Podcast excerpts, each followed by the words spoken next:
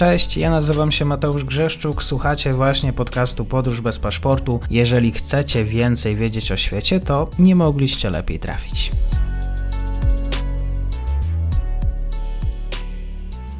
Wielkie podziękowania dla moich nowych patronów. Dziękuję za kawy Paweł Kadela, Piotr Kasprzyk, Marek Ziętak, Katarzyna Ekiel, Tomasz Choronowski, Piotr Mazurkiewicz, Grzegorz Podgórski, Dorota Lasocińska oraz Krzysztof Hirsch. Dziękuję moim nowym patronom na serwisie Patronate. Jest nim Artur Radek, firma Kedar Stych oraz Kancelaria Prawna Tomasz Czerwiec www.tczerwiec.pl Dzień dobry Państwu, dzień dobry wszystkim słuchaczom. Ze mną już jest znany e, Państwu gość, e, generał Leon Komornicki, z którym będę rozmawiał o sytuacji na wschodzie.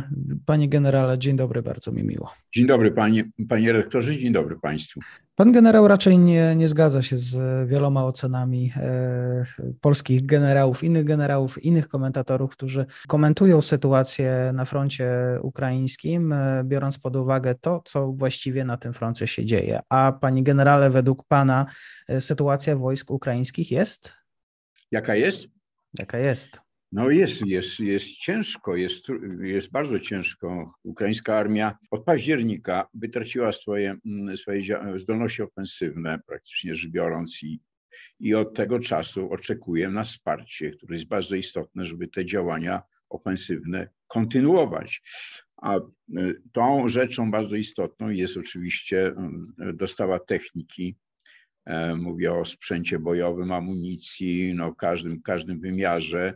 Praktycznie rzecz biorąc, armia ukraińska jest uzależniona od dostaw tej techniki, uzależnione jest także tym samym prowadzenie działań. No, a, a jest w sztuce wojennej coś takiego bardzo istotnego, które nazywa się właśnie ciągłością zabezpieczenia, bo działania ofensywne charakteryzować się powinny tym, i wtedy są one efektywne, jeżeli siła się potęguje. Czy inaczej mówiąc, działające wojska w pierwszym rzucie, tak to było na kierunku hersońskim, czy na kierunku tu Bałakija, Kupiańsk i Swatowo, gdzie armia ukraińska była, miała y, y, operacyjną przewagę na tych kierunkach, miała inicjatywę operacyjną, to nie była oczywiście inicjatywa strategiczna, i na tych dwóch kierunkach odniosła znaczące sukcesy. Jeszcze wcześniej tak było też pod Kijowem, jak wiemy.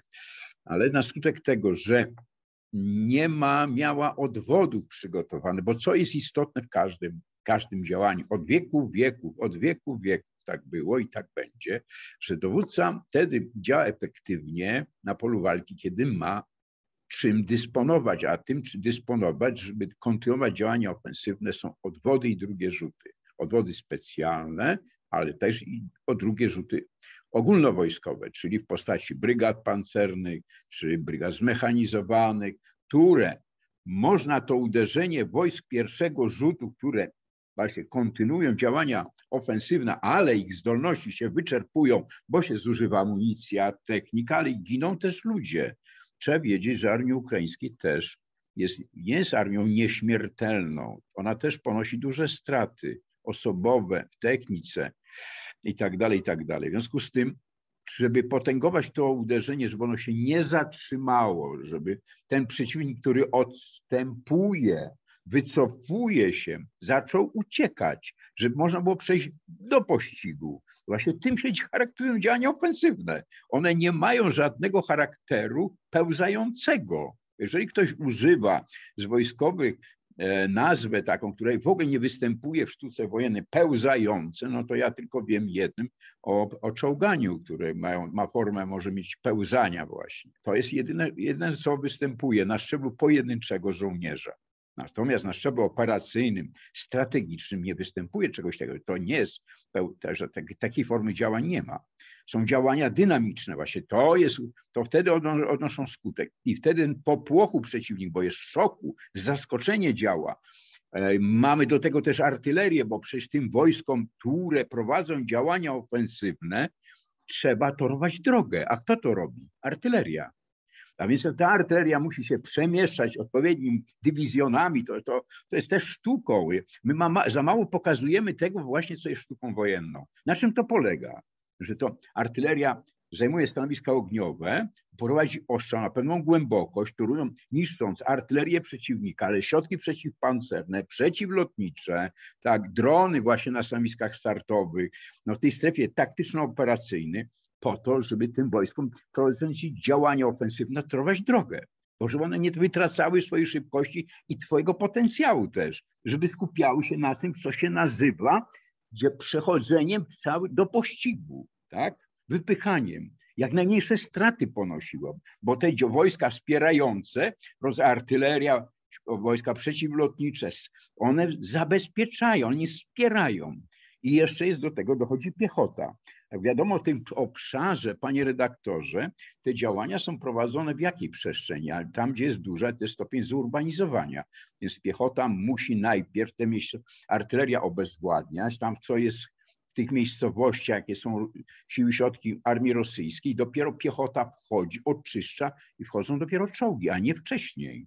Bo te czołgi będą, są w takich sytuacjach bez, często bezbronne, że nie wiem, jakie miały zdolności. Więc inaczej mówiąc, nie mając tych drugich rzutów, nie mając wystarczającej ilości amunicji, bo trzeba wiedzieć, gdzie to też często podkreślam, że zużycie amunicji w działaniu ofensywnym jest trzykrotnie większe jak w działaniach defensywnych, czyli w obronie. Potrzeba właśnie tutaj na wielu płaszczyznach, wielu przestrzeniach jednocześnie obezwładniać. Jeżeli tego nie ma, no to te odwody rosyjskie, ta armia, która była w szoku, zaczyna uciekać, pewnie następuje, co brakuje ciągłości działań. Ukraińska armia się zatrzymuje, oni też oczywiście wtedy wykonują refleksji i też się zatrzymują, przestają uciekać, przechodzą do obrony.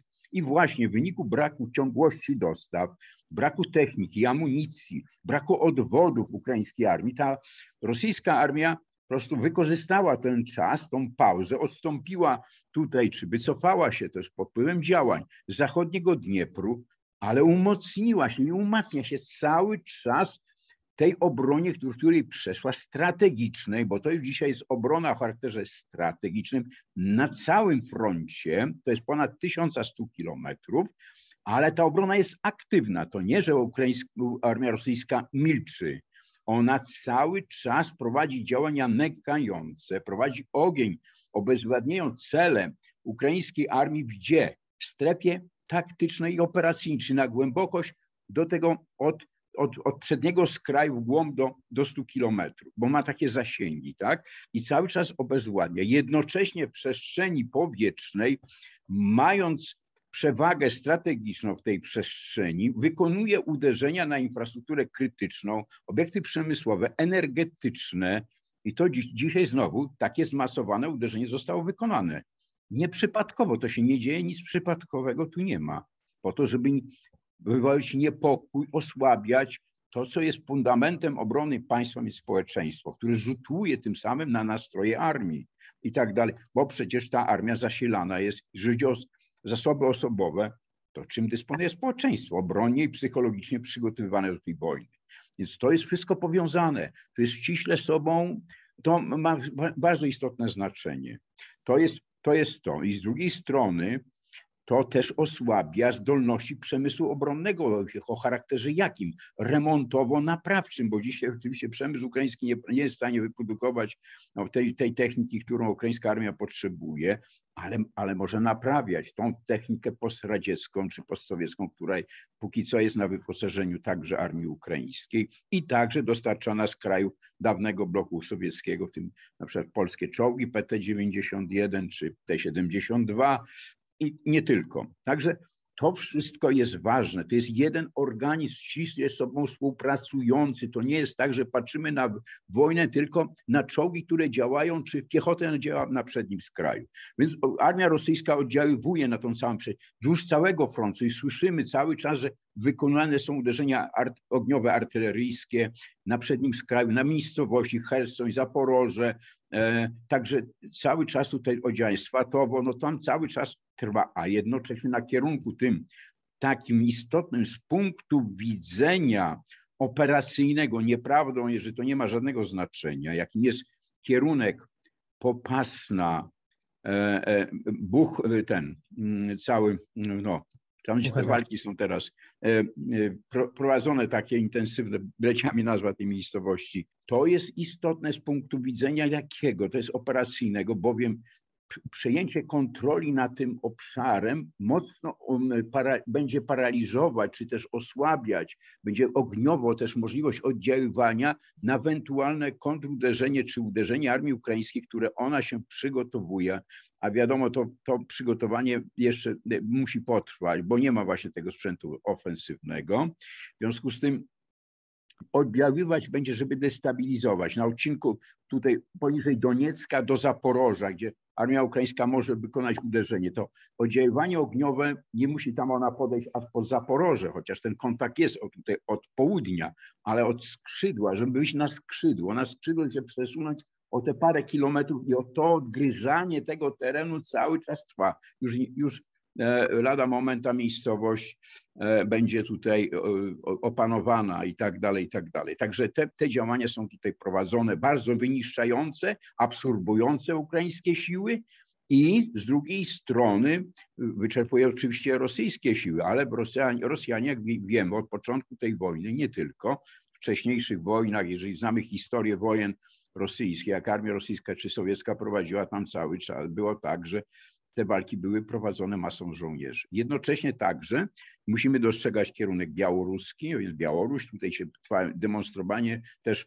tych zdolności, przygotowań i określony potencjał tam ulega zwiększeniu. Nawet z tego, co dotarły do mnie informacje, żołnierze są żeby zachować operacyjne czy taktyczne maskowanie w cysternach. W pustych cysternach są przewożeni na teren, na teren Białorusi i technika także. I tam należy się spodziewać tego uderzenia, bo bólem głowy rosyjskich generałów to też podkreślam i Putina jest to, że no, nie, nie jest zakłócony w sposób efektywny ten korytarz dostarczający technikę i sprzęt z zachodu poprzez Polskę. Polska jest hubem. To się oczywiście powie, że to można robić z Rumunii, tylko że jak popatrzymy na teren, geografię, jeżeli ktoś się odwołuje do geografii, to jest tam jedna bardzo, bardzo trudna sytuacja. Otóż jest tam rzeka płynąca tak praktycznie równolegle do granicy ukraińsko-rumuńskiej Dniestr.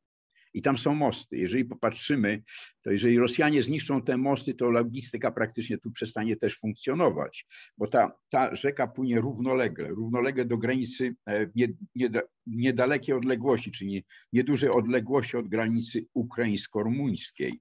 To poważny kłopot. I teren też jest, tam też komunikacja jest nie tak e, jak tutaj, bo te drogi przebiegają wschód, zachód, tak? On tak generalnie te linie komunikacyjne przebiegają, czy zachód, wschód.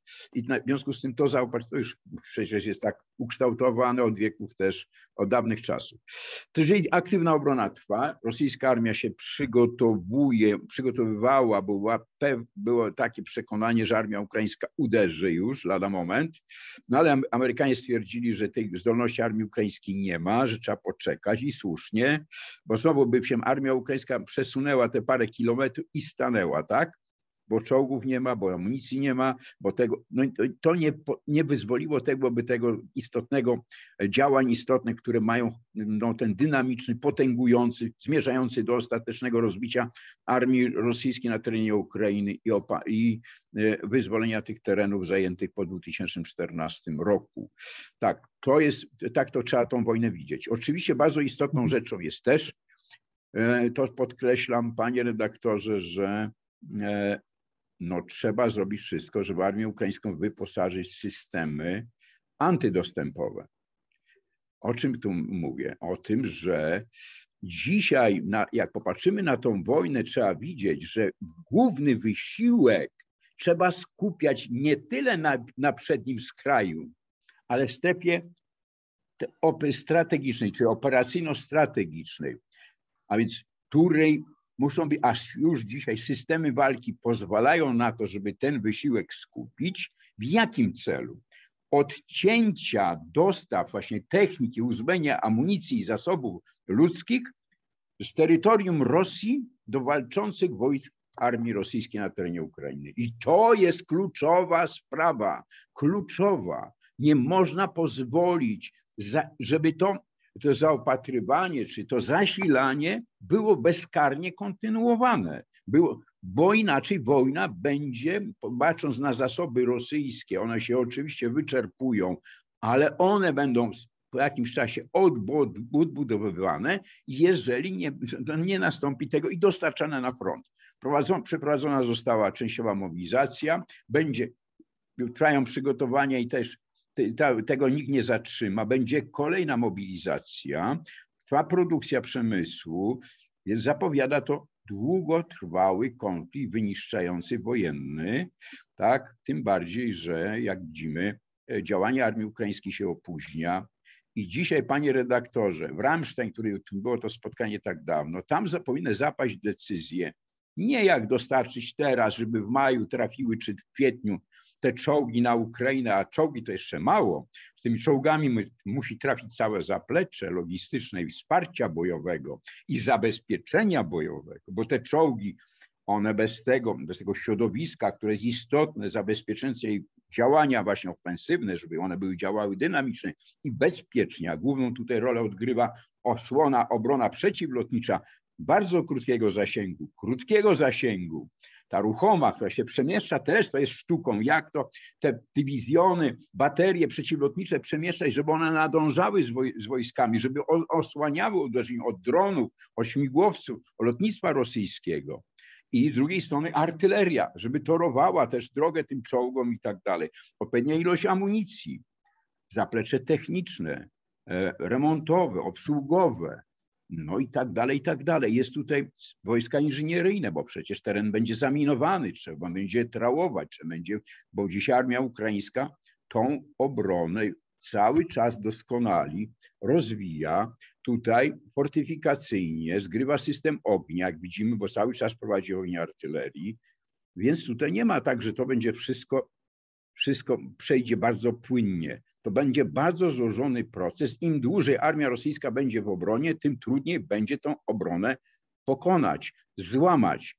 A żeby przejść do ofensywy, to trzeba tą obronę złamać co najmniej na dwóch kierunkach, mając na tych kierunkach trzy do pięciu razy większą przewagę.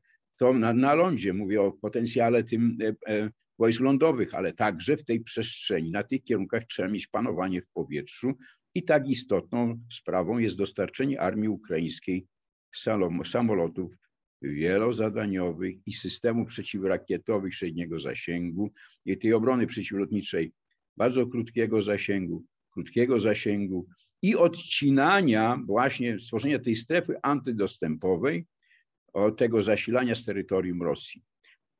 To będzie bardzo trudno tą wojnę wygrać. Zresztą popełniłem taki artykuł Rzeczpospolitej mhm. Mam nadzieję, że Państwo mieliście okazję to przeczytać, a jak nie, no to zachęcam. Myślę, że to jest o tyle interesujące, bo mhm. poruszam te, te cztery filary, które są istotne z punktu widzenia tego, że armia ukraińska odniosła zwycięstwo i na tym nam wszystkim powinno zależeć. I y, bardzo się cieszę, że takie decyzje już w końcu Niemcy podjęli, dostarczają i zezwolili dostarczania leopardów. I te zasoby leopardów y, w Europie są duże, bo one mają praktycznie 2,5 tysiąca czołgów, jest do zadysponowania. Oczywiście nie wszystkie tam pójdą, ale jest to ta, ta gwarancja, że tych czołgów nie zabraknie pod warunkiem, że już dzisiaj trzeba podejmować decyzje, co dostarczyć i w jakich ilościach armii ukraińskiej w maju, a nie dopiero w maju się zbierać w Ramstein czy w innym miejscu i zastanawiać się, co dostarczyć armii ukraińskiej, tak żeby to dotarło w miesiącu wrześniu. No to to nie, nie w żadnym wypadku armia ukraińska w taki sposób, na skutek takich podejmowania decyzji politycznych, tej wojny armia ukraińska będzie bardzo ciężko wygrać i nie wolno ją stawiać w takiej niekorzystnej sytuacji, bo to doskonale widzą, wiedzą, rozumieją generałowie e, i przywódcy Ukrainy. Doskonale. Przecież popatrzmy, otwórzmy tą całą historię. To od miesiąca kwietnia praktycznie Zaleński, Załużny, podnoszą ten temat, proszą, błagają o dostarczenie czołgów, samolotów, rak systemów rakietowych dalekiego zasięgu 200-300 km. O tym też mówi generał Hodges. Politycy zbyt wolno się do tego przekonują, nie wiem z czego to wynika, ale to bardzo mocno negatywnie wpływa na to, co się dzieje na przedniej linii frontu, bo co jest istotne, właśnie ta świadomość u polityków, nie co myślą tyle generałowie, co myślą właśnie też i przywódcy ukraińscy, ale co myśli ukraiński żołnierz, będący na przednim skraju, który jest często bezsilny. I tego moim przekonaniu brakuje, co jest też istotne z punktu widzenia każdej armii, więc kontakt z tym użytkownikiem techniki, tym właśnie żołnierzem, który przecież dzisiaj dźwiga ten naj, najważniejszy, e, najważniejsze dźwiga zadania wykonawcze, bo to przecież w jego rękach wszystko jest. A ukraiński żołnierz naprawdę walczy e, tutaj z pełną determinacją, zaangażowaniem, no tylko dawać mu broń tego, którą on prosi, bo on wie, co mu trzeba. I teraz dostarczenie czołgów w Ukrainie to jeszcze, panie redaktorze, bardzo ważną rzecz chciałbym podnosić, podnieść. Niezależnie od tego, że czołg działa w środowisku, on sam nie jest w stanie wykonać zadania. Nie możemy się zachwycać, że tyle czołgów, że to, że tamto.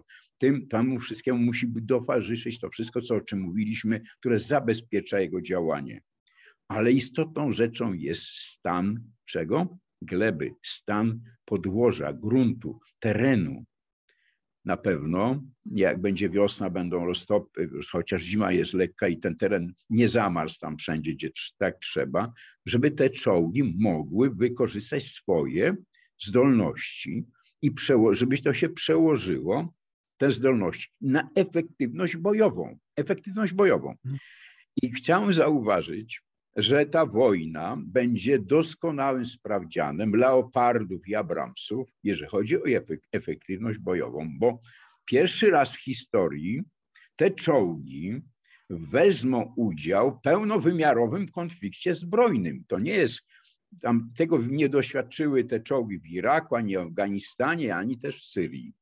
Tu jest zupełnie i też na europejskim teatrze działań to dla nas będzie ważna lekcja, dlatego też powinniśmy bacznie obserwować działanie, działanie i wykorzystanie tych czołgów i jak one tutaj spełniają swoją rolę, jeżeli chodzi o te zdolności ofensywne i jaka jest ich efektywność w stosunku do tych danych, które mamy dostępne, a które są danymi świadczącymi o skuteczności bojowej, ale nie, nieefektywności bojowej, bo dopiero żołnierz, pole walki, warunki, przeciwnik, zabezpieczenie, logistyka, zresztą bojowe, to będzie wpływać na tym, jaka będzie ostateczna efektywność, żeby ta, czy, czy ta efektywność bojowa będzie większa od tego, co mamy w danych taktyczno-technicznych, czy też obniży się o 20%, czy o 10%, no to są pytania dzisiaj ważne, kluczowe, bo to musimy też później przełożyć